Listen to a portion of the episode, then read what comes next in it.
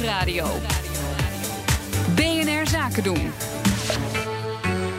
Het is een term die je steeds vaker voorbij ziet komen: inclusiviteit. Maar wat betekent dat nou concreet? En wat heb je als ondernemer aan een inclusieve werkvloer? Die vragen bespreken we in de ondernemersdesk Inclusiviteit met Connor Klerks. Met vandaag de hand in eigen boezem. Een rondje BNR met een Mijn naam is Anke inclusieve Verrossen. Ik ben de adviseur inclusiviteit en strategisch HRM bij Berenschot. En jij gaat vaker bij bedrijven gewoon naar binnen. Ehm, ja, misschien niet zo spontaan als wij het nu doen. Maar jij gaat naar bedrijven toe om eh, te kijken hoe het bij hun zit met het inclusiviteitsbeleid. Ja, nou zijn we eh, zelf bij Berenschot heel veel bezig met eh, inclusiviteit. Dus dat vinden wij een heel belangrijk thema. Ehm, en van onze eigen ervaringen die wij op hebben gedaan binnen onze eigen organisatie... proberen wij ook andere werkgevers te inspireren en mee te nemen in, in de denkwijze daarin. En heb je al een beetje een idee wat je hier aan gaat treffen? We gaan het zien. Geen idee. Nou, gaan we een stukje wandelen.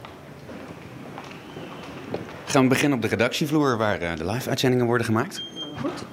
Jullie gaan in ieder geval al met eh, een mooi trapje omhoog. Of geen trapje, maar juist een, eh, een roller. En waarom is dat belangrijk? Ja, voor mensen die in een rolstoel zitten zou het eh, fijn zijn dat zij ook hier eh, naar binnen kunnen. Dus dat is een deel van je inclusiviteit. Ze hebben al één puntje binnen. Eén puntje, yes. Hier, als je naar binnen eh, kijkt, dan zie je de lopende uitzending. En heel veel open ruimte hier, zie ik ook. Nou ja, een open ruimte kan heel fijn zijn, kan ook beperkend werken. En als je hier rondkijkt op de redactie, wat denk je dan? Ik ehm, zie vooral jonge mensen. Als ik eh, rondom mij heen kijk, wel vers- verschillende mensen, eh, mannen, vrouwen, eh, allemaal druk bezig achter de laptop. En ehm, nou ja, de radio staat aan, we horen van alles. En nou, dat is denk ik een ruimte. Voor sommige mensen kan het werken, voor sommige mensen kan het ook niet werken. Gaan we eh, naar boven.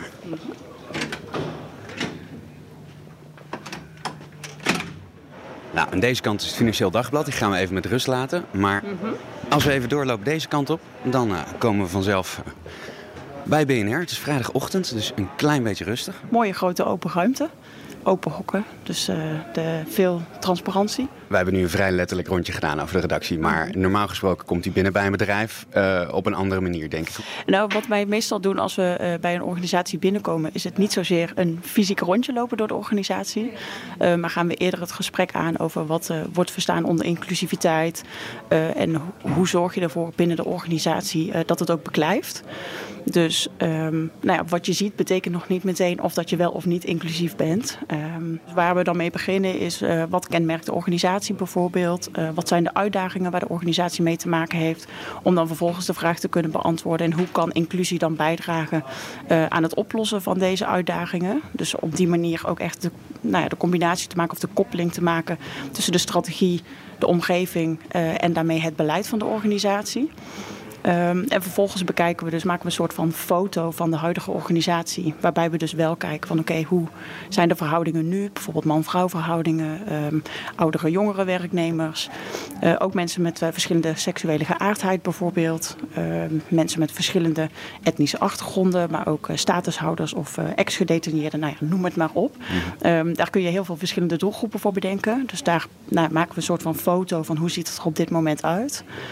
Eh, en op basis daarvan bepalen we dan, eh, door middel van het dialoog te voeren, van wat zijn dan stappen die een organisatie wil zetten om eh, meer inclusief te worden, om op een specifieke doelgroep te richten en welke acties ze daarbij uit kunnen zetten. Hoe reageren mensen eigenlijk als je binnenkomt en je wil iets veranderen aan, aan de cultuur op het werk? Nou ja, ik, denk dat we in het algemeen kunnen zeggen dat verandering niet in de mensen zit. Dus zodra we iets gaan veranderen, dan zal er altijd weerstand zijn.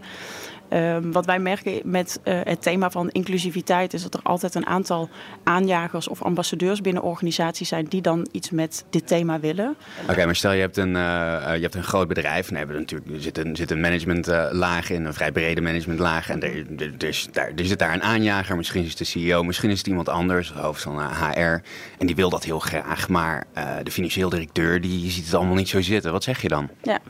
Nou ja, wat we kunnen doen is in ieder geval alle, alle waarden van inclusiviteit kunnen we benoemen. Uh, dus er is ook uit onderzoek gebleken wat toegevoegde waarde is van inclusie.